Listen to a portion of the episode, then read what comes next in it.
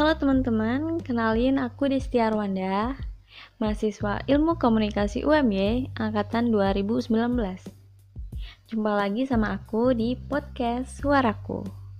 Kali ini aku bakal sharing tentang jenis program siaran. Ngomong-ngomong soal program siaran, kalian lebih sering nonton TV atau dengerin radio? Hmm, kalau aku sih lebih sering nonton drama Korea nih kayaknya. Oke, okay. program siaran ada jenis-jenisnya, yakni ada program televisi dan program radio. Jenis program siaran dapat dibagi menjadi tiga kelompok besar, yaitu hiburan, informasi, dan berita. Ngomong-ngomong soal program siaran, kalian lebih sering nonton TV atau dengerin radio? Kalau aku sendiri lebih sering nonton drama deh kayaknya. Oke, okay, untuk program siaran itu ada jenis-jenisnya, yakni yang ada program televisi sama program radio.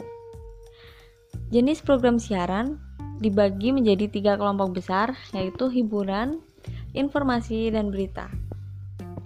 Keberadaan jenis-jenis program pada stasiun penyiaran dapat dinilai menjadi nilai tambah yaitu menarik perhatian audiens.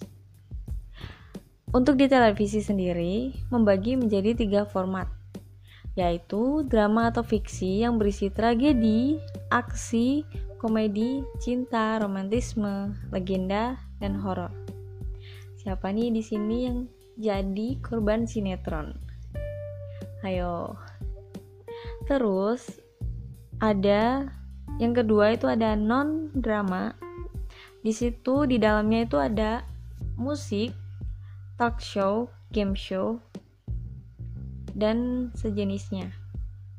Yang terakhir itu ada berita, sport, news, dan feature. Untuk di radio, format stasiun penyiaran radio ketika diterjemahkan dalam kegiatan siaran harus tampil dalam empat hal ini. Yang pertama, itu kepribadian penyiar dan reporter. Ini penting ya. Yang kedua, pilihan musik dan juga lagu. Yang ketiga, itu ada pilihan musik dan gaya bertutur.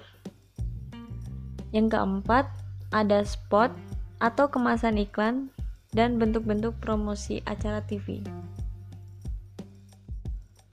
Oke, kita sampai di penghujung sharing kali ini. Semoga bermanfaat.